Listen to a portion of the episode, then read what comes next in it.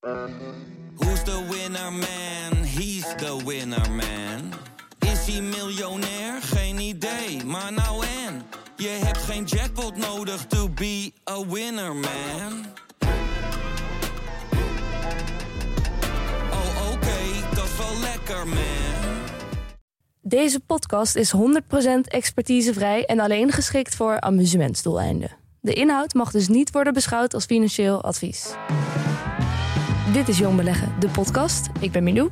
En ik ben Pim. In deze aflevering hebben we het over volatiliteit. Ja, en dat doen we met Mees Bovenlander, een eh, oude bekende. Ja, gezellig. En eh, er blijken dus een hoop misvattingen te bestaan over volatiliteit, Pim. Ja, we gaan het hebben over standaard, eh, deviatie en de beta. We houden de wetenschap erbij, hebben het over modern finance en de portfolio theory. Ja, en beleggen in low volatility bedrijven. En wat voor rendement het kan opleveren. Ik ben benieuwd. Laten we beginnen.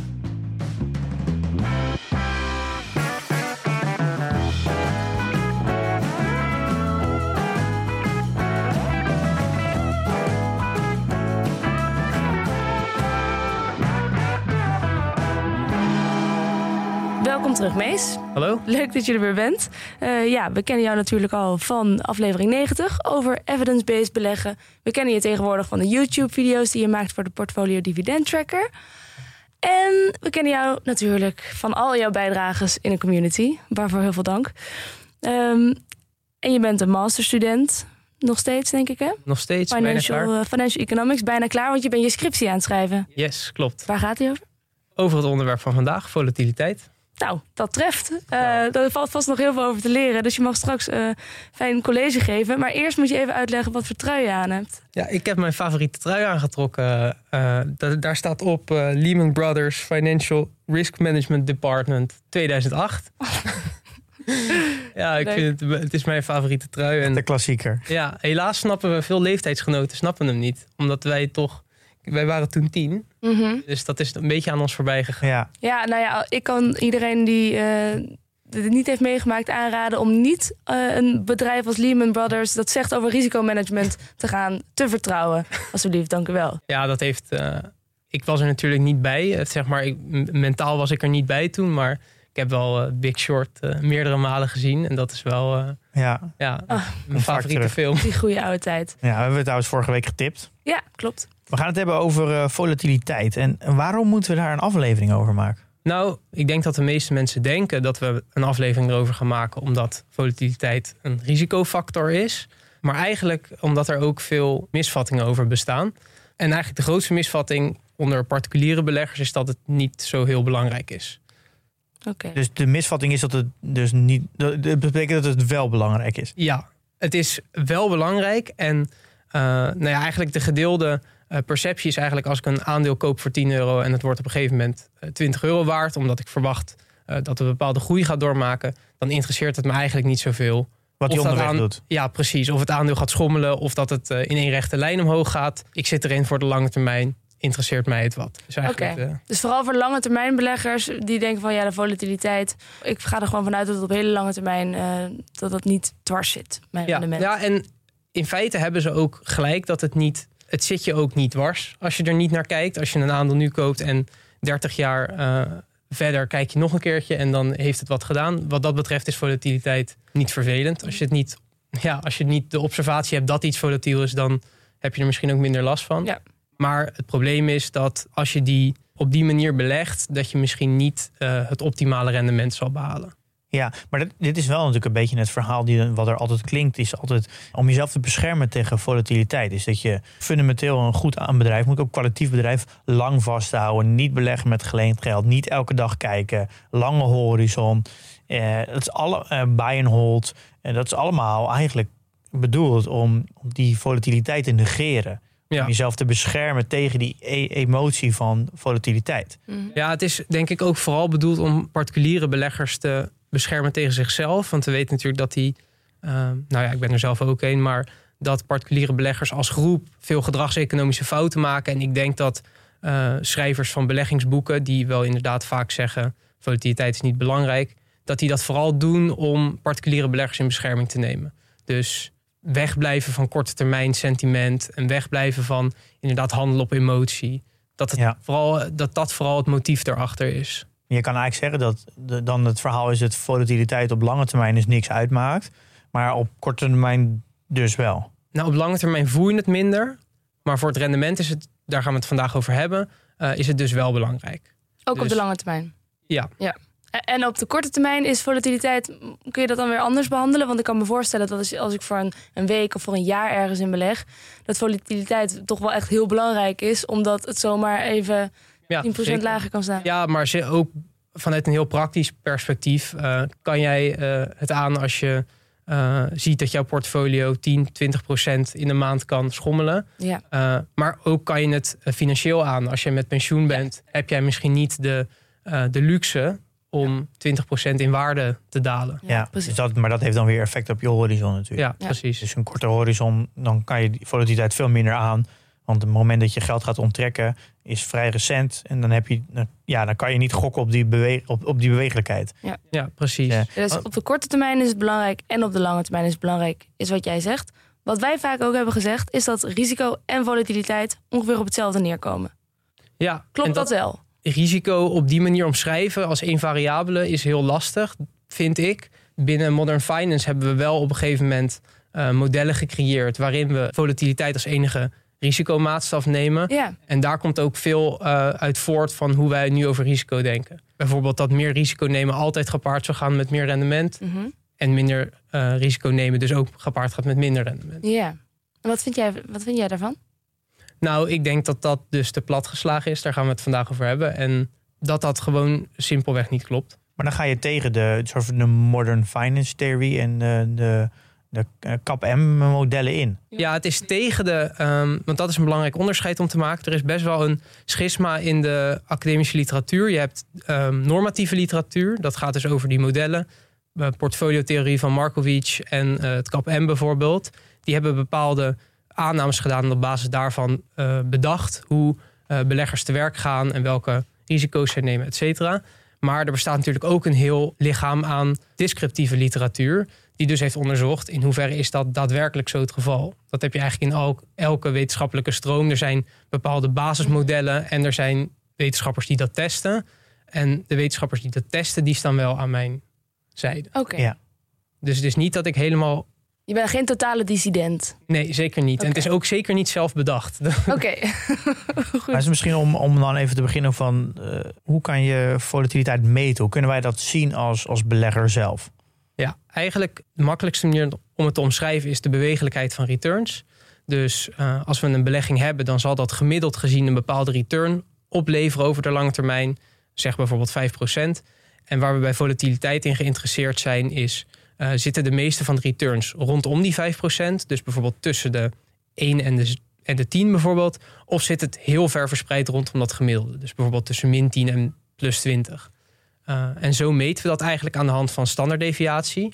Oh ja, Dus- dat ken ik. Dus dat is eigenlijk een eh, statistische meting die we dan gaan doen. Dus dan kijken we eh, op basis van eh, hoe die returns verdeeld zijn, wat de standaarddeviatie is. En die geeft ons dan aan of wij een verdeling hebben die heel eh smal is, waarbij dus de meeste waarden rondom het gemiddelde liggen. Eh, dan hebben we dus een kleine standaarddeviatie. Of dat het een verdeling is waarbij de returns heel ver verspreid zijn rondom dat gemiddelde. En kun je dan bij de eerste zeggen dat de volatiliteit dus klein is als die standaarddeviatie klein is? En hoe groter die is, hoe groter de volatiliteit?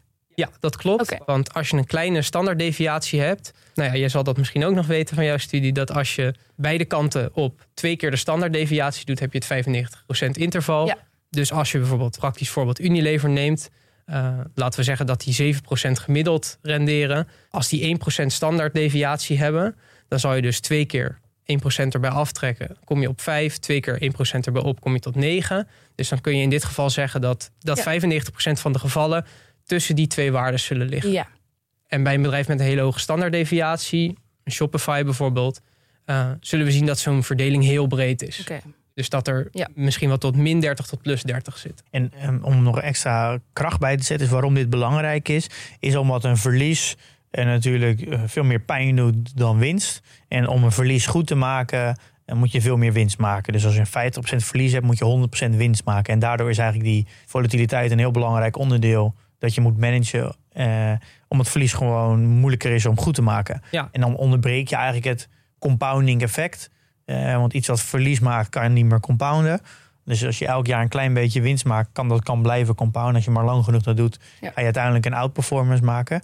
En Daar is het eigenlijk allemaal een beetje om te doen. Ja, en als we dus zo'n verdeling in kaart kunnen brengen, dus als wij eh, van een bedrijf weten hoe zo'n kansverdeling eruit ziet, dan kunnen we ook iets zeggen over hoe groot is nou de kans dat ik zo'n eh, drawdown van 30% ga ervaren in mijn beleggingshorizon. Eh, Ja. En dat doen wij dan op basis van historische eh waardes of er- historische observaties. Dat is dan gelijk een nadeel daaraan. Maar het geeft Ja. ons wel een bepaald idee van wat kan er gebeuren in de toekomst. Maar toch is dat iets wat wij als beleggers niet vaak horen over standaard deviaties. Hebben we niet regelmatig. Wat waar we het wel over hebben met volatiliteit is vaak over de beta. Klopt. Als je van portfoliotheorie eh, naar het kap M gaat, schakelen we over van standaarddeviatie naar beta. Dat komt omdat we bepaalde aannames doen eh, over beleggers. En beta is ook een makkelijker te begrijpen eh, maatstaf. Dus die hebben we jullie al vaker eh, benoemd. Dat is eigenlijk een regressiecoëfficiënt. En dan gaan we kijken wat is de relatie tussen een aandeel en de markt. Oké, dus een beta van 1, wat betekent dat dan ook weer? Een beta van 1 houdt dus in dat als de markt 2% stijgt, dat we als aandeel waarschijnlijk ook ergens in die 2% gaan Ja. stijgen. Ja, dat is inderdaad eh, wel relatief Ja, makkelijk dus, te begrijpen. dus als hij minder dan 1 is, beweegt hij ook minder heftig. Maar 1 is naar beneden ook minder heftig. Ja. Als hij negatief is, gaat hij contra. Ja, klopt. Ja, maar er zijn maar heel weinig aandelen die negatief zijn. Ja, klopt. Eh, Dat is ook, ook onderdeel van waar we het vandaag over hebben. Eh, als de markt als geheel daalt, dan is het heel lastig voor aandelen eh, door hun volatiliteit om eh, iets anders te doen. Ja. We zien vaak dat als de markt heel sterk daalt, zoals dit jaar, dat alle aandelen eigenlijk gaan. Ja, maar zou je dus ook niet kunnen zeggen dat als een aandelen een hele hoge beta hebben, bijvoorbeeld boven de 2, dat er dus per definitie dus ook veel meer overwaardering en onderwaardering in het aandeel zit? Ja, je hebt wel meer overshooting en undershooting inderdaad. Dat kan, anders, dat kan toch niet anders eigenlijk? Want als, als een keer de beurs flink omhoog gaat, 20%, dan gaat dat aandeel dan hoogstwaarschijnlijk misschien, als je beta van 2 hebt, misschien wel 40% omhoog. Maar dat, ja, er is bijna niks te, eh, qua cijfers te rechtvaardigen dat een aandeel 40% stijgt. Nee, klopt inderdaad. Eh, helemaal niet als de beurs meerdere jaren omhoog gaat. Resultaten gaan nooit zo snel mee. Dus Nee. dan moet er heel snel een overwaardering in komen. Ja, dat is omdat, daarom noemen we beta ook vaak een maatstaf voor systematisch risico. Omdat het eigenlijk vooral beweegt op basis van de markt en niet op basis van de intrinsieke waarde van het bedrijf. Oké. Ja, inderdaad. Ja, dus je, als je een aandeel onderzoekt en je ziet dat het een hoge, een hoge beta hebt, kan, moet je eigenlijk bij jezelf al direct de vraag stellen: er is gewoon een, een verhoogde kans op overwaardering in het aandeel. Maar aan de andere kant natuurlijk ook Onderwaardering. Op het onderwaardering. moment dat het slecht Ja, gaat. dus de, de, de, de timing van zulke soort aandelen wordt eigenlijk heel essentieel. Ja. Dat zie je dus nu, denk ik, met de beurs gaat flink naar beneden. Gaan de aandelen met een hoge beta, die gaan ook heel hard naar beneden. Noem eens een voorbeeld. Eh, nou, ik denk gewoon alle, ja, een beetje de luxe aandelen. Dus alle aandelen die, eh, die vallen onder de wat luxere goederen. Dus die gaan veel harder mee. Ja, de cyclische ook. Dus ja, de cyclische aandelen. Dus de kans is heel groot dat daar nu een onderwaardering in komt. Omdat het gewoon heel erg naar beneden wordt overdreven. ja, maar- aan de andere kant wordt het, ook, wordt het ook meer overdreven in de markt die we hiervoor hebben gezien. Dus als je kijkt naar veel luxe goederen, die zijn ook extreem. bedrijven die die producten leveren, zijn ook extreem hard gestegen ten opzichte van historische groei. Ja, natuurlijk. Ja, als iets natuurlijk heel erg overgewaardeerd wordt en het zakt, dan hoeft het nog geen Ja. onderwaardering te hebben. Precies. Eh, nee, dat klopt, ja. Maar eigenlijk kan je wel stellen dat als het een hoge band hebt, dat je extra voorzichtig moet zijn in het aankoopmoment. Want de kans op een onderwaardering en overwaardering is aanzienlijk groter. Precies. En eh, waar we later ook op terug zullen komen, is dat überhaupt het selecteren van bedrijven met een hoge beta, dat daar bepaalde overwegingen bij worden, moeten worden gemaakt. Of dat wel de slimme keuze is. Wat, wat bedoel je daarmee? Nou, zo'n beta is gewoon een regressiecoëfficiënt. Dus we hebben bekeken, als we een aandeel, de returns van een aandeel bekijken, hoe sterk zijn die gecorreleerd met wat de markt doet. Dus in feite zegt dat ons niks over wat heeft het aandeel gedaan qua winst of qua, eh, qua cashflow. Dat zegt ons puur iets over hoe erg beweegt zoiets ten opzichte van de markt. Ja, het is niks fundamenteels. Nee, er is niks fundamenteels aan. Wat we binnen eh, Modern Finance vervolgens zien, is dat die beta wordt gebruikt als verklaring voor rendement. Want we zeggen return en risico zijn met elkaar verbonden. En risico kwantificeren wij in de mate van volatiliteit. Ah ja, ze zeggen dus, dus risico is volatiliteit. Ja, dat is eigenlijk de, eh, de aanname die binnen die modellen wordt gedaan. Ja. Ehm, en dan zeggen ze dus vervolgens, als wij bedrijven met een hogere beta selecteren, eh, zullen wij ook meer returns kunnen verwachten. Want wij zijn als belegger bereid geweest om meer risico te nemen. Ja. En daarvoor zullen wij worden beloond eh, in de vorm van een hoger rendement. Ja. Maar als we vervolgens gaan testen of dit ook waar is, dus of uh, beta een verklarende variabele is voor een hogere uh, return op de lange termijn, dan is dat heel lastig om te bewijzen. Oké, maar wat, wat zegt dan de wetenschap daar nu over, over de, de volatiliteit? Ja, dat is wel uh, interessant, want daar bestaat eigenlijk een heel duidelijk uh, schisma in de uh, academische literatuur. We hebben aan de ene kant die modellen die gemaakt zijn door Markowitz, het CAPM. Um, en die zeggen eigenlijk er is een positieve lineaire relatie tussen de mate van volatiliteit, gemeten in beta, en de hoeveelheid return die wij kunnen verwachten. Dus beleggers die bereid zijn om veel risico te nemen, zullen een hogere return kunnen verwachten. En beleggers die een laag risico uh, willen nemen, die zullen ook een lage return daarvoor kunnen verwachten. Ja. Uh, aan de andere kant heb je literatuur die dit dus gaat onderzoeken. In hoeverre is beta nou een positieve verklarende variabele? En daar blijkt uit dat, dat die relatie eigenlijk andersom blijkt te zijn of ze of niet bestaat. Dat zijn eigenlijk de twee uh, uitkomsten die er zijn. Dus hij bestaat helemaal niet, of hij is zelfs uh, precies andersom. Dus het nemen van aandelen met lage beta zorgt voor hogere returns. En het nemen van hoge beta zorgt voor lagere returns. Ja, ja dus eigenlijk het gewoon compleet omgekeerde. Ja, ja, dat is wat we vinden uit langetermijn studies over ja. dit onderwerp. Kijk, er is natuurlijk wel een bepaalde logica voor, voor te geven. Uh, want bijvoorbeeld ArcelorMittal, dat is natuurlijk de, staal, uh, staalboer die in, in Nederland ook genoteerd is. Die heeft een extreme hoge beta.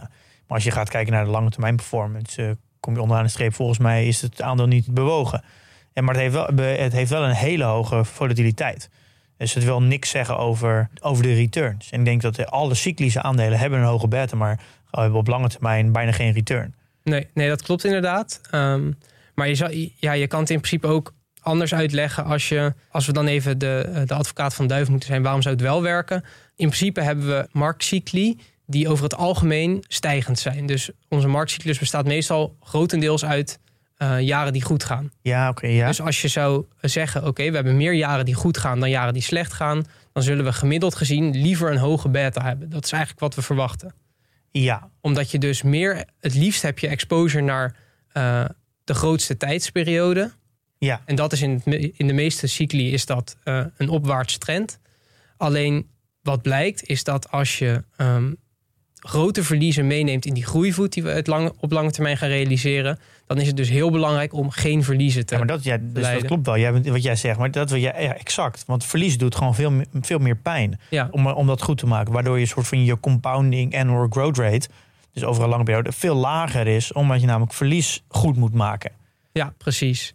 Dus eigenlijk wat we, waar we tegenaan kijken, is dat we het liefst hebben we een hoge exposure naar beta op het moment dat het goed gaat. Alleen die hoge exposure naar beta gaat ons in een markt zoals nu heel veel pijn doen. Yeah. En de afweging die we dus eigenlijk moeten maken is... wat hebben we liever? Hebben we liever dat we gedurende de opwaartse cyclus... weinig exposure naar beta hebben en dus returns missen? Want dat, die, als we dus een lage beta hebben... hebben we dus ook minder returns in die yeah. opwaartse cyclus. En hebben we daarvoor uh, in de downmarkt dus heel veel positieve returns? Of hebben we liever dat we in zo'n opwaartse cyclus... een hoge beta hebben, heel veel uh, goede returns ervan ervaren... en dan in de markt die daarop volgt enorme verliezen leiden. Dus dat is eigenlijk ja. de afweging. Ja, ik moet dan eigenlijk denk, gelijk denken aan uh, ARK uh, Invest van Katie Woods met Berkshire Hathaway, met Warren Buffett. Die beide die, die twee kanten op gaan. Zij gaat heel erg voor een hoge beta. En Warren Buffett gaat veel meer voor een hele lage beta. En die accepteert dat hij altijd iets, een, iets underperformt in een hele grote bull market. Ja, maar ja. Warren Buffett's mantra is natuurlijk... don't lose money. And never forget ja. rule number one. Exact, ja. Ja, ja, ja hij snapt heeft, dit. Die, heeft, die, heeft, die, die, ja, die leeft met deze filosofie. En hij heeft de wetenschap aan zijn kant. Ja, nou ja, hij heeft dus de modellen in principe tegen zich. Ja. Maar de, de literatuur die die modellen heeft onderzocht, heeft hij voor. Ja, en waarom hij natuurlijk op lange termijn... waarom uh, iedereen zegt, ja, hij is zo'n goede belegger... omdat hij het gewoon heel lang volhoudt. Dus uh, hij doet het al, uh, wat is dat, 70, 80 jaar... Uh, en omdat hij gewoon altijd zijn verlies heeft beperkt elk jaar, kan dat natuurlijk elk constant compounden. Ja. Daar zit uiteindelijk de, de kracht bij hem in. Die, hij snapt dus heel goed volatiliteit. Ja, precies. Ja. En, daar, en daar, daar managt hij eigenlijk, of daar richt hij zijn portfolio op in. Ja, nee, klopt. Er is ook heel veel voor te zeggen om uiteindelijk te kiezen voor die lage beta. Dat komt in die onderzoeken terug die dus zegt dat je moet investeren in bedrijven met een lage beta.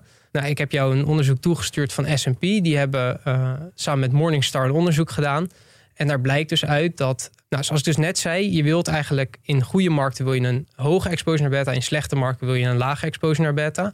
En als je dus kijkt naar de kracht van lage volatiliteit, dan werd er lang gedacht, die zit voornamelijk in, uh, in slechte markt wordt er heel veel protectie geboden. Ja. En dat was eigenlijk heel lang de verklaring. Alleen zit je dus wel nog met de uitleg wat nou als boelmarkt heel lang gaan duren. Bijvoorbeeld uh, tien jaar zoals we die hebben gezien. Ja. Uh, werkt het dan nog steeds? En eigenlijk waarom het nog steeds werkt, is omdat we dus niet alleen veel protectie hebben in downmarkts, maar dat we dus ook heel veel uh, participatie hebben in de opwaartse trend. Wat bedoel je met Dus- participatie? Ja, goede vraag. Dat is eigenlijk welk gedeelte van de returns ontvangen wij alsnog met een lage beta. Dus je zou verwachten als ik een beta van een half heb, ontvang ik de helft van de returns. Dus ook in de eh, markt die daarop volgt, zou ik ook maar de helft van de verliezen leiden. Ja. En als je dat uitmiddelt en dan nog meeneemt dat verliezen zwaarder wegen, dan kom je op een bepaald eindreturn. Maar wat blijkt, dat je dus als je lage volatiliteit aandelen selecteert, is de participatie omhoog heel hoog. Dus we ontvangen bijna alle returns van de markt. Mhm. Ondanks dat we dus een lage beta hebben. Verwachten maar de helft. Maar we krijgen uit het onderzoek bleek bijna 95% Terwijl het in die downmarkt is het nog hoger eigenlijk. Daar hebben we een positief rendement.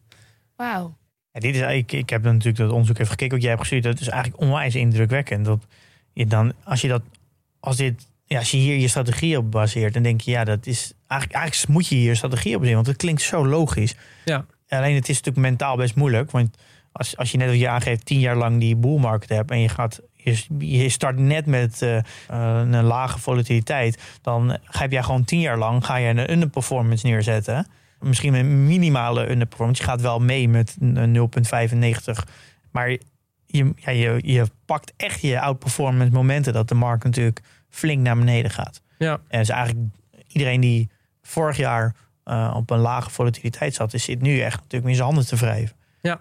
Dus je, jij bijvoorbeeld. Ja, dus je moet wel. Uh, uh, ja, het is wel iets waar je echt achter moet staan. En lang ja, je moet volhouden. geloven in het mechanisme. Ja, Maar dat is het mooie, vind ik, aan vo- lage volatiliteit. Het mechanisme is zo simpel te begrijpen, want het is gewoon wiskunde.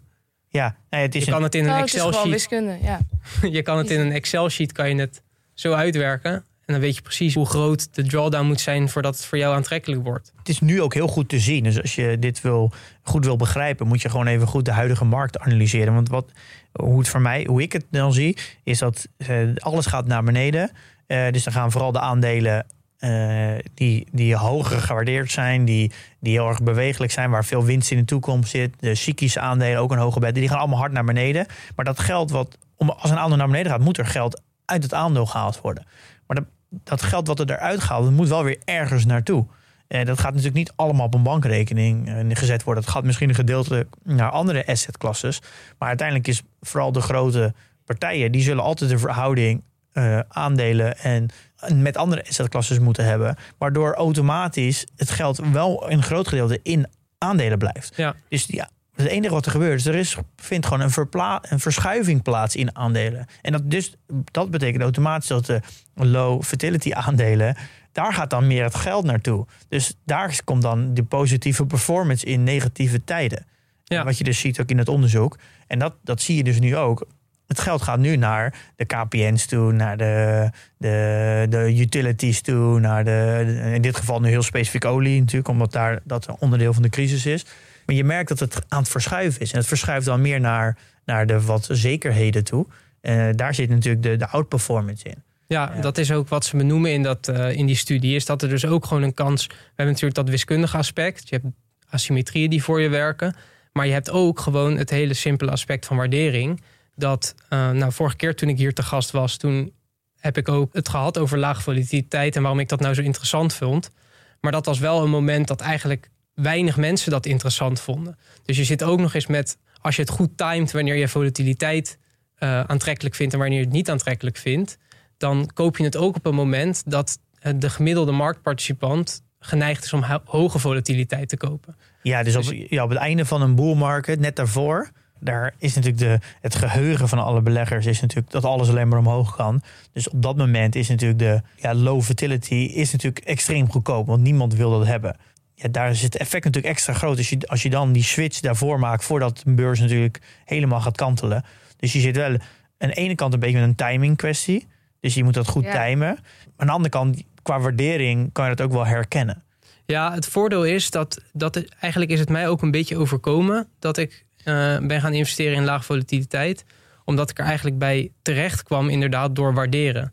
Dus ik ben natuurlijk ook, eh, nou, ik heb voornamelijk boelmarkt meegemaakt in mijn beleggingsperiode. en als je bleef waarderen, dan werd het steeds lastiger, logischerwijs, om bedrijven te kopen met een hoge beta. Want die hebben gewoon het heel goed gedaan in die periode dat ik beleg. Ja, we Eh, zijn allemaal overpriced.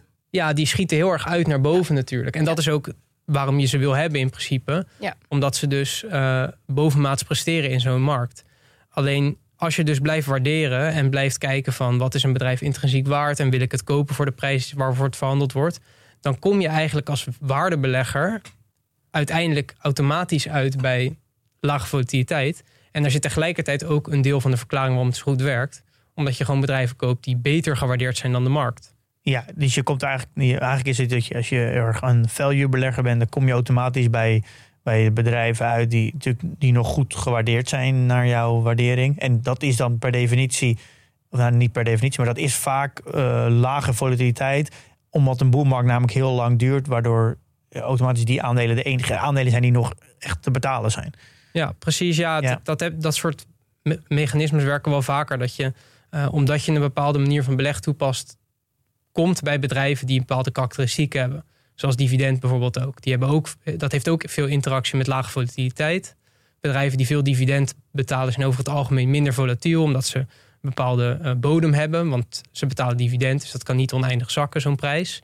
En daarom zie je bijvoorbeeld ook dat in Warren Buffett's portfolio zitten best wel veel bedrijven die dividend uitkeren. Ja, want dus, En bedrijven die laag volatiliteit hebben. Ja. Dat is niet omdat hij met een screener zit te werken. Ik wil laag volatiliteit, ik wil eh, hoog dividend. Hij zit gewoon bedrijven te analyseren en komt toevalligerwijs bij die karakteristieken uit. Ja, dat, is natuurlijk wel, dat zijn eigenlijk wel de twee typen bedrijven die hij voornamelijk heeft. Hè. Gewoon heel veel nutsbedrijven, heel veel infrastructuur, heel veel eh, eh, transport.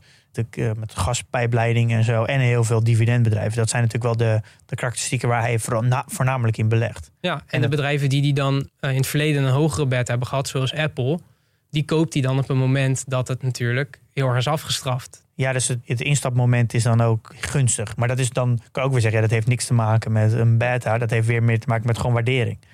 Maar dat is het voordeel van marktrisico, wat we dus met beta capturen.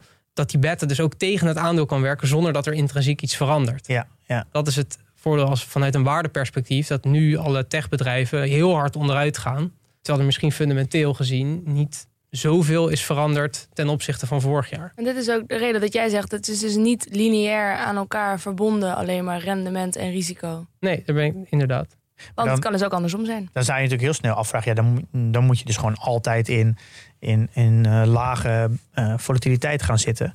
Eh, dat laat ook het onderzoek zien. Maar het, meest, het nog gunstiger is natuurlijk op het juiste moment op de juiste bewegelijkheid zitten. Ja, Dat Ja, maar dan moet je dus de markt timen. Toch? Ja, dan ben je een soort van aan het timen. Maar dat kan je wel zeggen, dat is ook weer actief beheer. Ja. Eh, want als je, anders kan je gewoon de markt kopen. Ja, inderdaad. Dat is het onderwerp waar mijn scriptie ook over gaat. Kan je dat op een bepaalde. eh, kijk, beleggen is vaak. eh, kan je bepaalde patronen herkennen? En zo ja, als die patronen er zijn, kan je daar op een bepaalde structurele manier op handelen. Want als dat niet kan, dan wordt het inderdaad timen. Dan moet je op een gegeven moment gaan zeggen: ik ga nu al mijn cash uit de markt halen. En hopen dat het morgen crasht. Dat is eigenlijk het markttimen zoals we het kennen. Ja, Als er, eh, zoals ik het uitleg net, bijvoorbeeld eh, dat aandelen die het heel goed hebben gedaan ook goed, hoog gewaardeerd zijn. En dat je eigenlijk op een soort, ja, vanuit beneden op bij die volatiliteit terechtkomt. Dan is het dus niet timen. Dan ben je gewoon bezig met fundamentele analyse. Dan ben je gewoon bezig met eh, wat is een bedrijf waard. Ja. Eh, en op dat moment instappen op lage volatiliteit vind ik niet hetzelfde als timen. Hm.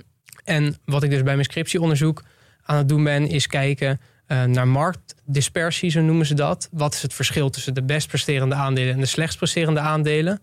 En als dat heel laag is, dus als alles heel dicht bij elkaar zit, dan zitten we in een bull market over het algemeen.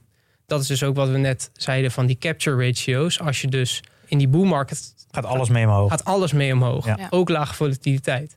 En als we dus zien dat alles heel erg omhoog gaat, ongeacht of het hoge beta is of lage beta, dan is er dus een heel klein verschil relatief tussen verschillende aandelen met hoge of lage beta. Ja. En dat is vaak het moment dat het goed is om te switchen naar lage volatiliteit. Ja. Want op dat moment zitten we dus in een markt die waarschijnlijk niet gunstig is om in hoge volatiliteit te zitten. Ehm, en daarbij belangrijker nog is, waarom is het geen timen? Dat onderzoek wijst ons aan dat het sowieso altijd beter is om lage volatiliteit te hebben. Ja. Dus de vroeg switchen maakt helemaal niet uit. Want dat is altijd al eh, beter dan de hele cyclus inlopen. ja, dat is waar. Ja. Dus je hebt eigenlijk, is het win-win, zolang je niet te laat. Dus hoe eh, zou dat in de praktijk uitwerken dan? Ga je googlen op eh, hoe groot de marktdispersie is op een bepaald moment? Zo zou je het voor een onderzoek aanpakken. Dus dat, daar zijn bepaalde formules voor. Je kijkt naar de best presterende assets en de slechtste. Daar ga je een bepaalde variantiemetric voor toepassen. Um, maar in de praktijk is het meer zoals hoe ik het heb gedaan in 2021. Dus je gaat waarderen en je komt erbij uit dat de markt als geheel niet zo aantrekkelijk meer is. Ja. En dan maak je dus, toen heb ik dus bedacht, Ja. uh, ik maak die switch naar lage volatiliteit en ik ga ook actief tegen hoge volatiliteit. ja, ik denk dat iedereen in 2021, zeg vorig jaar, wel door had dat alles heel duur was. Ja, dat Als hebben we ook vaak gezegd. Hè? Ja, als je een beetje de, de, de, een beetje de andere podcast luistert en een beetje leest, eh, een beetje op de hoogte bent van wat er speelt in de, in de aandelenmarkt, ja, dan las je wel, ja, alles is duur. Ja, dat is dus daar- zeg maar een signaal waarin je kunt zien dat de marktdispersie eh, hoog is. Maar dan merk je eh, ook, sorry, laag is, laag is. Ja. laag is. ja, maar dan merk je ook zelf als je aan het waarderen bent. Bijna Ja. elk aandeel wat je interessant vond, was te duur. Ja, alleen wat dus het probleem is, wat we al eerder hebben aangehaald, is dat volatiliteit wordt gezien als iets van timing. En dat het dus eh, niet belangrijk is als we een lange termijn horizon hebben. Dat is de gedachte van Ja, zit er voor 30 jaar in.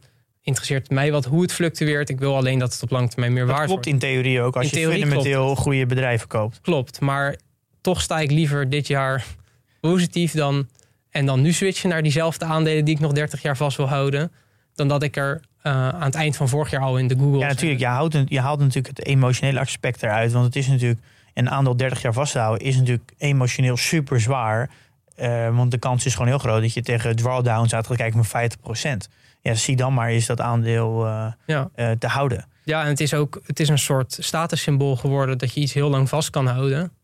Maar als iets heel erg overgewaardeerd is, dan zou Ja. ik het toch echt gewoon verkopen. En als het bedrijf failliet gaat, of weet je, dat zijn toch ook allemaal dingen die ook nog eigenlijk op lange termijn mee gaan spelen. Meer dan alleen die volatiliteit op de korte Ja. termijn. Ook waar, ja. Ja, nou, ik, ik herken dat gevoel wel. Want ik, ik, ben, ik ben dus, eh, nou, dat, is, dat weet iedereen denk ik ook wel. Ik ben wel fan van, eh, van Adyen. Eh, dat, ik heb daar echt het gevoel dat wat jij eigenlijk zegt. Ik, dat bedrijf ga ik gewoon de komende 10, 15 jaar vasthouden, minimaal. En wat het onderweg doet, dat interesseert me eigenlijk niet zoveel. Dat is natuurlijk, dat gevoel heb ik heel erg sterk. Maar dat is natuurlijk eigenlijk helemaal niet handig. Want ja, iedereen zag natuurlijk vorig jaar dat Adyen heel duur was.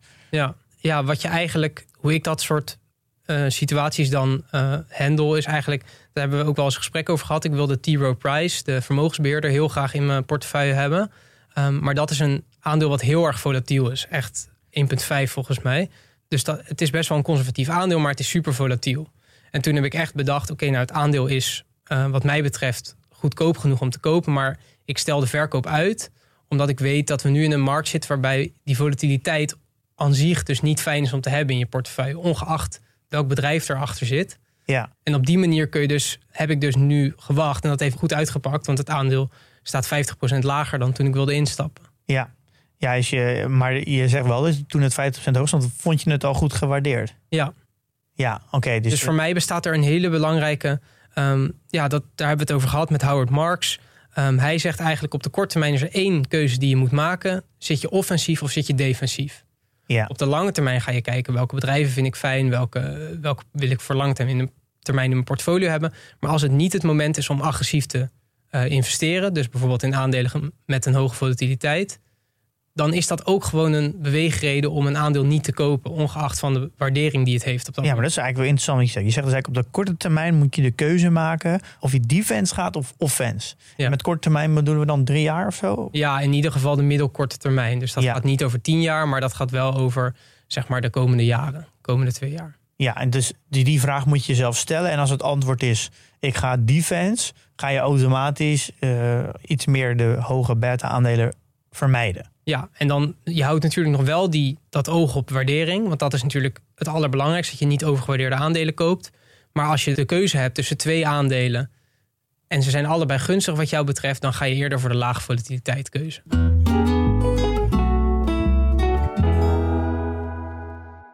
Voordat we verder gaan, eerst een bericht van onze sponsor Achmea. Uh, Pim, ken jij de knowing-doing gap? Of in mooi Nederlands de intentie-gedragkloof? Ja, dat je iets weet, maar er niet naar handelt. Ja. Ja, zo heb ik vrienden die dankzij ons wel weten dat ze moeten beleggen. Om verlies van koopkracht tegen te gaan. En te zorgen dat ze een goed pensioen hebben maar er toch niet naar handelen. Nee, dat blijkt toch lastig, hè? En of breder dan beleggen vlees eten. Ik hoor mensen vaak zeggen, ja, het is wel beter voor de planeet... en minder dodelijk voor de dieren. Maar als er dan een menukaart met een hamburger uh, met bacon voor je ligt... ja, dan wordt dat voor het gemak toch vaak wel weer vergeten. Ja, woorden verliezen nogal betekenis als je er niet naar handelt. Ja, het zou wel een stuk helpen als je in een omgeving zit... waar ander gedrag gestimuleerd wordt. En dat denken ze ook bij Achmea. Daarom zijn ze met zo'n 13.000 collega's vast begonnen... om goede intenties om te zetten in goed gedrag. Zo werken ze daar aan oplossingen voor grote maatschappelijke vraagstukken. Ja, ze gaan bijvoorbeeld voor minder verkeersslachtoffers, gezonde werknemers, duurzame woningen en meer. Ja, dus nou, geen woorden, maar daden. Waar ga jij voor? Check de vacatures op werkenbijagmea.nl. En nu weer verder met de podcast. Ja. Ik kan me voorstellen, misschien nu nog niet, maar zeg over een half jaar of een jaar, dan zou het kunnen dat dat je veel meer naar de offense gaat. Dat je denkt, nou, de komende drie jaar ga ik in de offense. Dan ga je dus bij een vergelijkbaar aandeel altijd voor het aandeel kiezen met een hoge beta. Ja. ja en dat, dat dan nu doen ook? Nou, dat is wat nu ook wel langzaamaan in mijn portefeuille gebeurt. Proces is nu mijn grootste holding. Uh, die heeft niet een extreem hoge beta, maar ook zeker niet laag. En bedrijven als Facebook komen er ook in. Dus dat zijn bedrijven met hoge beta. Die zijn oh. enorm afgestraft. Ja, om even het verhaal af te maken. Want je, je, kan je dan wat eerst vertellen, wat was jouw portefeuille om en bij 2021? Het waren in ieder geval aandelen met een, hele lage volatiliteit. Verizon, Unilever, Amdocs, Snap-on, Amgen, Amdocs. En uh, eigenlijk de belangrijkste, een van de belangrijkste bijdragen aan de portefeuille van dit jaar was uh, dat ik dus een short heb gedaan op Cathy Woods. Heb het vorige keer ook op gehad. Over je hebt erop geanticipeerd dat haar, uh, haar bedrijf, haar, hoe heet dat ook weer, ARK, dat dat heel slecht zou presteren. Daarbij. Ja, het was in feite natuurlijk geen uh, heksenjacht op haar, de persoon Cathy oh, Woods. Okay. Maar zij vertegenwoordigde wat mij betreft eigenlijk alles wat er toen misging in waardering. Uh, dus dat bedrijven zonder winst extreem hoog worden gewaardeerd. Haar portefeuille was perfect om te shorten als je. Uh... Ja, haar ETF heeft een beta van 2,7. Dus daar komt het natuurlijk uiteindelijk vandaan. Ja. Dat zij ver, ja. Uh, dus dat betekent natuurlijk als het naar beneden gaat, dat het dan ja. in een, uh, ook hard naar beneden gaat. En uh, je hebt het toen voor mij geshort met een, een leverage van 3. Ja. Dus dan kom je natuurlijk uit op een, een omgekeerde beta van min 8 ja. erbij. Werkt het zo? Ja. Grappig. Dat is hoe het werkt, ja. Uh, en dat heeft natuurlijk jou heel veel voordeel opgeleverd. Want het is ook daadwerkelijk naar beneden gegaan. Dus jij bent dan vrij gelijk gebleven als ik dan zo... Uh, ja, in ieder geval relatief gelijk. Volgens mij plus 4 dit jaar nu. Ja. Uh, gele portefeuille. Ja, en dan ben je dus nu... Waar, daar begon je net over. Langzaam je portefeuille ja. weer... Dus de lage betten eruit aan het halen. Ja. En dat nu aan het verhogen naar naar wat meer hoge beta. Maar ook niet alleen maar beta natuurlijk, maar ook vanuit een waarderingsperspectief. De aandelen die een hoge beta hadden of relatief hoog, die hebben nu automatisch ook een lagere waardering. Ja, je komt er logischerwijs op uit dat bedrijven die heel hard afgestraft zijn ook een grotere kans hebben om ondergewaardeerd te zijn. Dus eigenlijk gaat natuurlijk het, het spelen met volatiliteit ook heel erg hand in hand met waardering. Ja, het is, het is eigenlijk ook heel logisch, want we weten gewoon van aandelen dat ze bewegen ze, ze hebben een correlatie met de markt. Dat is wat we met beta weten. Maar tegelijkertijd weten we dat dat niks met fundamentele waarde te maken hoeft te hebben. Dus kan je natuurlijk superhandig die beta als onderdeel gebruiken van je strategie. Als je weet dat het niet uh, gebonden is aan hoe een bedrijf presteert, dan is het dus een factor op zich die je kan gebruiken. En dat is eigenlijk wat ik doe. Gewoon op het goede moment, of in ieder geval aanvoelen in welke, welk moment we in de marktcyclus zitten. En dan rustig aan uh, verhogen en verlagen van beta. Ja, dus het is ook niet dat ik nu in één keer het roer helemaal omgooi. Maar dat gaat gewoon langzaamaan. Nou, je, je verandert een beetje de accenten in je, in je portefeuille aan de hand daar. Wat ik dus hier heel erg interessant aan vind, is dat je dus niet uh, echt aan het timen bent in de vorm van ik haal heel veel uit de markt en bouw een hele grote cashpositie op. Want dat is wat inderdaad wat vaak wordt gezegd. Uh, dat is vaak de strategie. Oké, ik zie dat de markt nu overgewaardeerd is, dus ik ga dus heel veel cash aanhouden. Maar cash is natuurlijk, dat kan niet renderen. Dus, mm. dus ben je gedeeltelijk uit de markt. En daar daar hou ik dus niet van. Nee, dat is vaak wat er bij lage volatiliteit, bijvoorbeeld met uh, fondsen, pensioenfondsen, die hebben vaak heel veel obligaties, puur met doel om die volatiliteit laag te houden. Alleen bij dat soort asset classes, ook bij goud, grondstoffen, zie je vaak dat Het doet in principe wel wat je wilt dat het doet. Dus in dit soort markten presteert het relatief goed. Maar je hebt te veel nadeel ervan in die opwaartse trend. En dat is het mooie aan lage volatiliteit aandelen. Is dat je dus er weinig last van hebt in de goede momenten. En heel veel voordeel van hebt in de slechte momenten. Ja, want dat is natuurlijk het verschil. Als de beurs natuurlijk, eh, stel voor, dat had nu nog twee jaar lang omhoog gegaan. En Ja. jouw, even sim zeg, jouw timing wat verkeerd geweest. Ja. Eh, dan had je wel nog steeds twee jaar lang eh, Prima. met je low fertility aandelen nog steeds wel een, een upside gehad. Ja. En, eh, in- als, als je dat cash had gedaan, had je dat helemaal niet gehad. Nee, ja, zo Mark Spitsnagel zegt altijd, is ook een bekende eh portfolio manager. eh, die zegt altijd, de insteek moet zijn dat je het liefst hebt dat de komende 30 jaar er niks slechts gebeurt met de markt. Voor elke belegger. Maar Ja. dat je dus eh, hoe dan ook wel goed gaat presteren, ongeacht of de markt het goed doet of het slecht doet. Maar dat het dus ook niet uitmaakt, of in ieder geval niet heel slecht voor je portefeuille is als het wel slecht gaat. Ja, want dit is dus eigenlijk een, een asymmetrisch risico. Je hebt wel de voordelen omhoog in, in, Ja. in mate, maar je, hebt, Ja. maar je beperkt het risico naar beneden. En daar uiteindelijk zoek je als belegger altijd naar eh, asymmetrie natuurlijk. Ja. Wel de lusten, niet de lasten. Ja, dat, is- ja, dat is wat basic wat je wil Ja. natuurlijk. Maar Ja, dat je klinkt ook een soort van droom die eh, wat niet, nooit gaat lukken. de perceptie is dat het niet kan. Dat is wat we beschreven hebben in die eh, modern finance modellen. Is dat je dus beta nodig hebt voor returns. En dat is uiteindelijk ook het, het hele raar aan het verhaal. Ze zeggen eh, veel risico nemen leidt tot hoge returns. Weinig risico nemen leidt tot lage returns.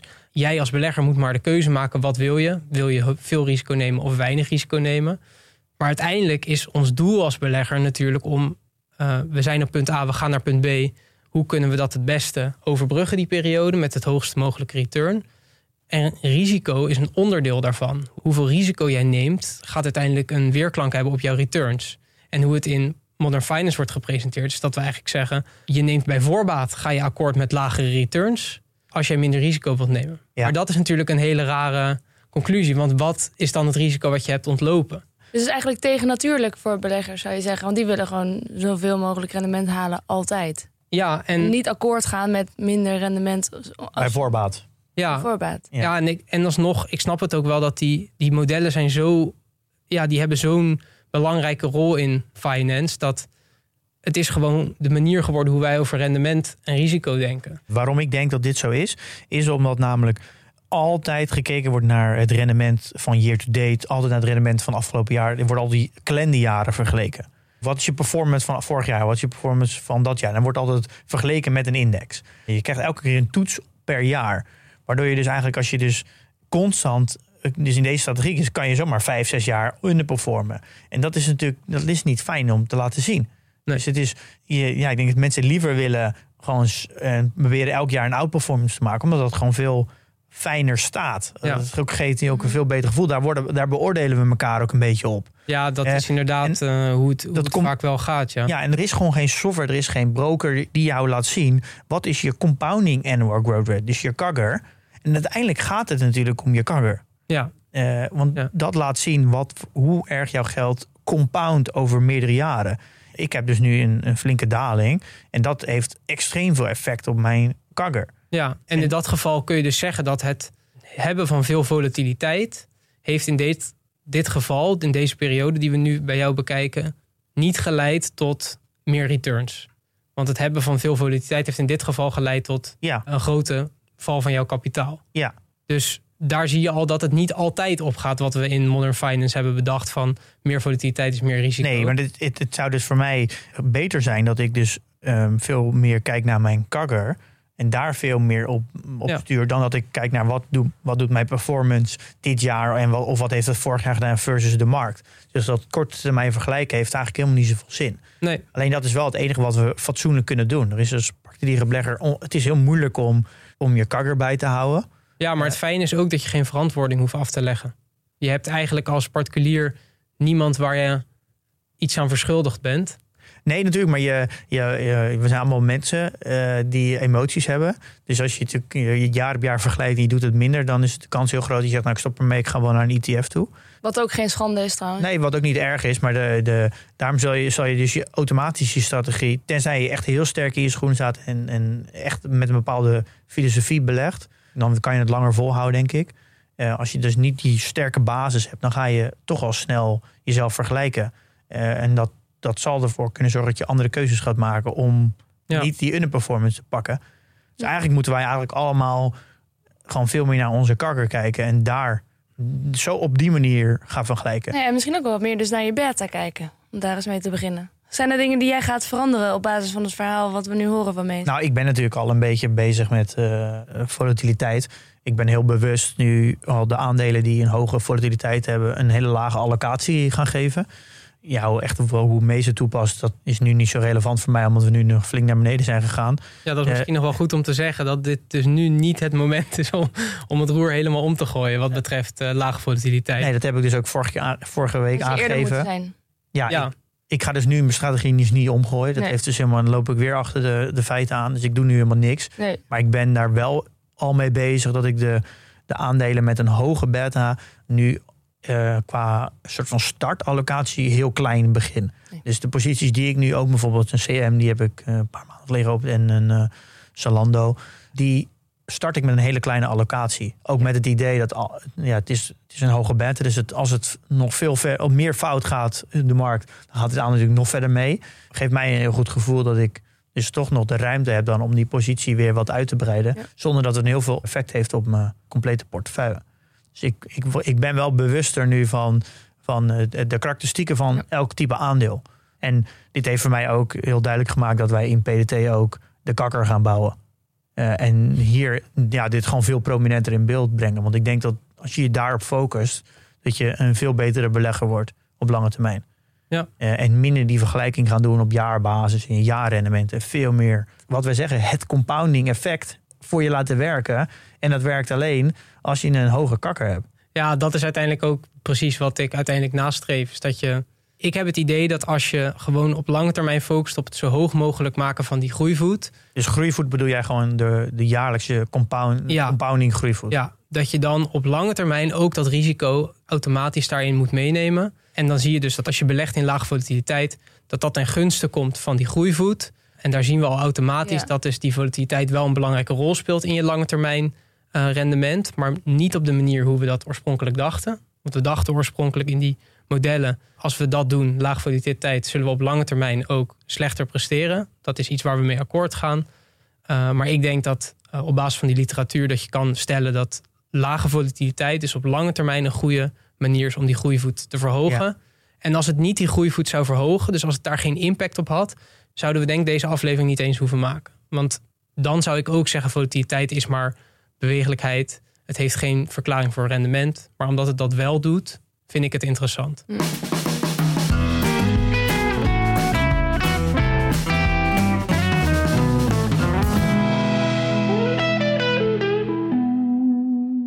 Wat ik nu steeds meer heb, als, toen we begonnen, heb je gewoon heel veel soort van theorieën van het gaat om compounding. Kom je met al die quotes, hebben zelfs een aflevering over beurswijsheden, waar, waar Warren Buffett heel vaak in voorkomt van don't lose money. Je, je leert heel veel, maar je begrijpt het eigenlijk helemaal niet. Nee, Je kan het niet- het zal zo zijn dan. Ja, en je we kan zien het, het- ook, maar... Ja, het klinkt ook allemaal heel logisch, maar je kan het niet een soort van die vertaalslag maken naar hoe doe ik dat dan in de praktijk Ja. en hoe ga ik dat dan qua portfolio management mee om.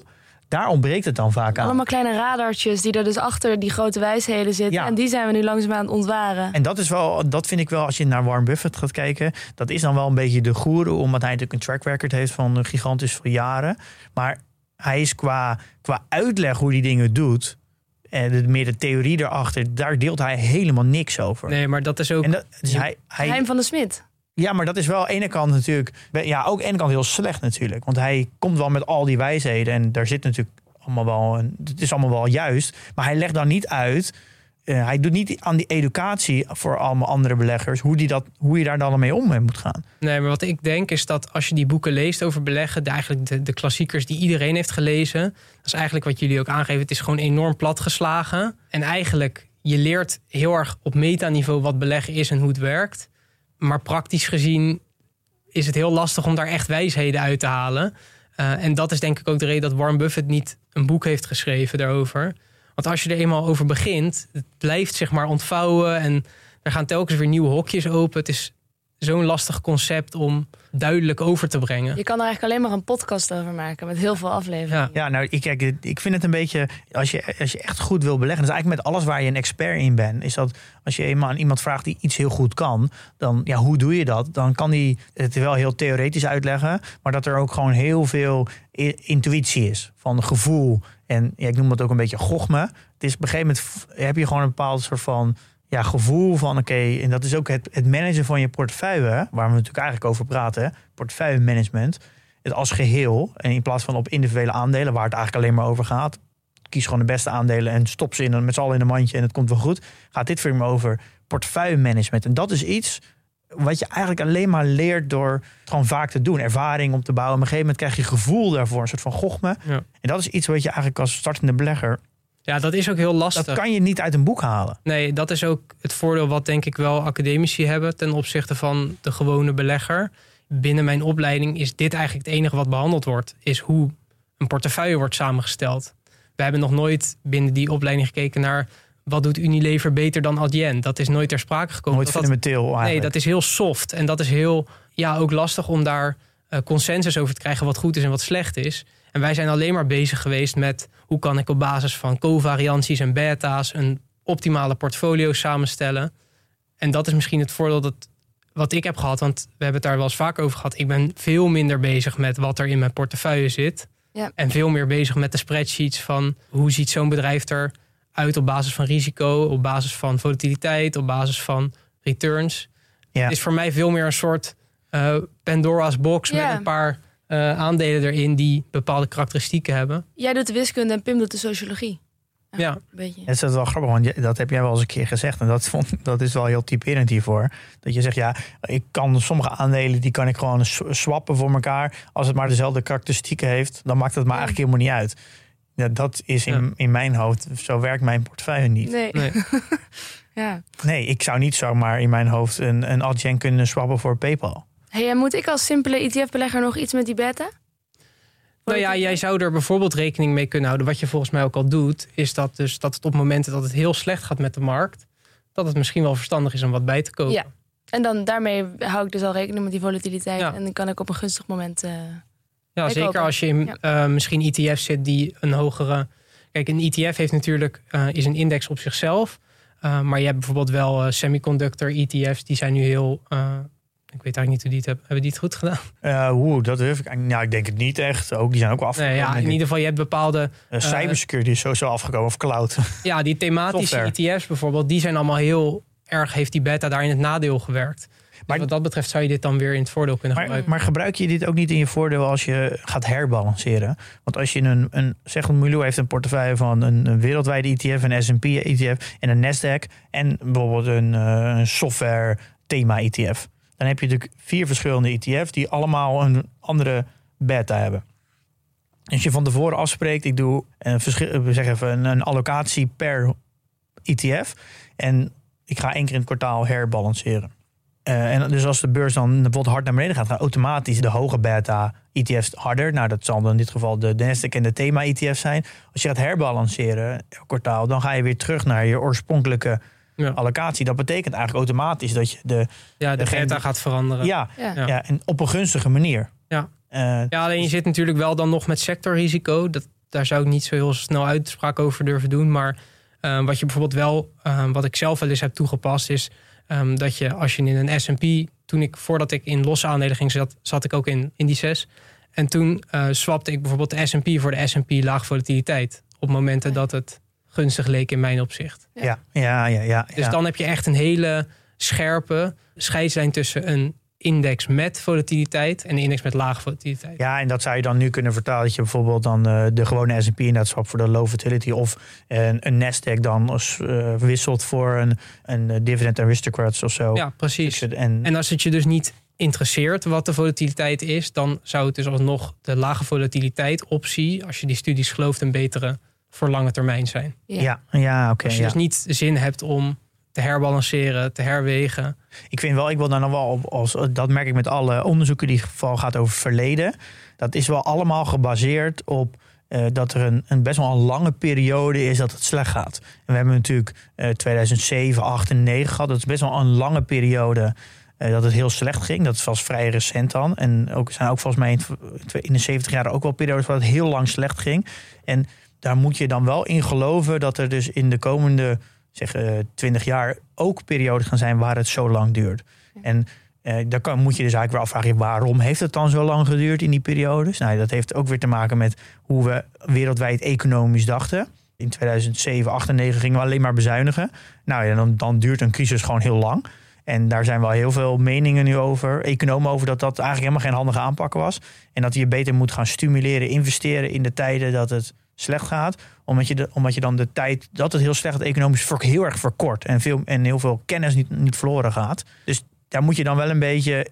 Ja, dat is heel lastig te zeggen natuurlijk. Ja. Maar dat moet je denk ik wel meenemen als je gaat kijken naar statistiek uit het verleden. Ja, helemaal mee eens. Je moet natuurlijk altijd met deze studies. Ten eerste moet je kijken of überhaupt het op een manier is uitgevoerd wat realistisch is. eh, wat vaak niet het geval is. Eh, en je moet kijken inderdaad of die geanalyseerde periode met alle observaties, of dat representatief is voor hoe het er in de toekomst uit gaat zien. En hoe jij, wat jij inderdaad aangeeft, is dat maar de vraag. Ja, want als je nu gaat kijken vanaf 2009 tot nu, dan heeft eh hoge beta echt een gigantische outperformance op low beta. Ja. Eh, en dat ben ik natuurlijk aan een periode aan cherrypicken. Precies, Eh, ja. Maar dat is wel de afgelopen 13 jaar zo. Ja. Dus het is, dat is misschien al wel een soort van extra disclaimer in zulke soort onderzoeken. Ja, tuurlijk. Je moet het sowieso nooit, sowieso nooit klakkeloos overnemen en altijd je eigen visie erop toepassen. Ja, dus eh, hoe ik het zelf zou doen, ik zou niet zo snel altijd in low fertility zitten, denk ik.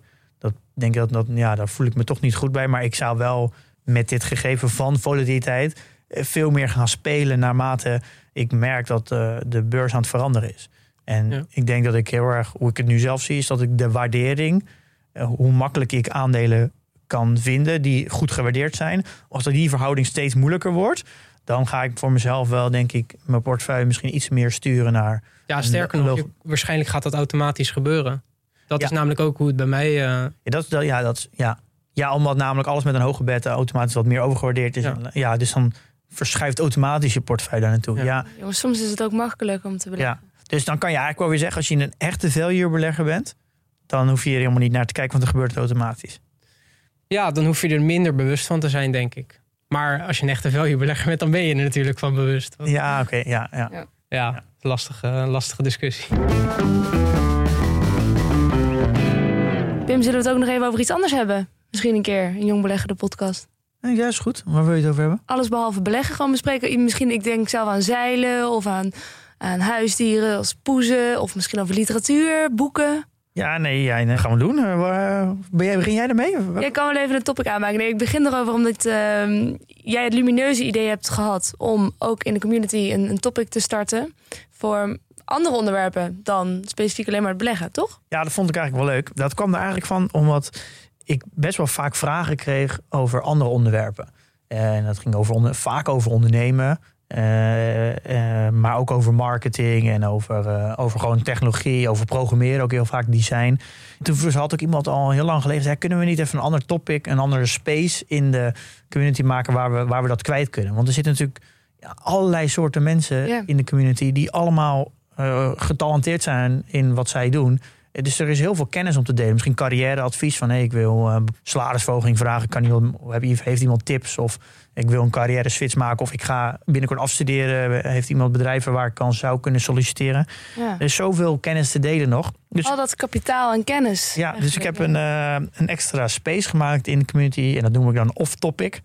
Daar kan alles in terecht wat niet over beleggen gaat. Ja. Er zijn al een paar eh, mensen Ja. die hebben al posts gestart. Ja, Dus zo voel je vrij? Er is eentje over een verhuurhypotheek. Ja. En eh, over e-book abonnementen. Ja, ja, nu gaat iedereen op vakantie. Dus dat is de Ja, heel relevant. Nee jongens, eh, maak lekker topics aan en eh ga met elkaar in gesprek. Ja, dus eh, voel je vrij om eh, ook andere eh, dingen Ja. te delen. Ehm, portfolio. Eh, ik heb niks gedaan. Oké, ik ook nog niet. Ik moet nog even bijkopen. De maand is bijna voorbij. Volgende maand is denk ik. Ja, nee, ik moet deze maand nog doen.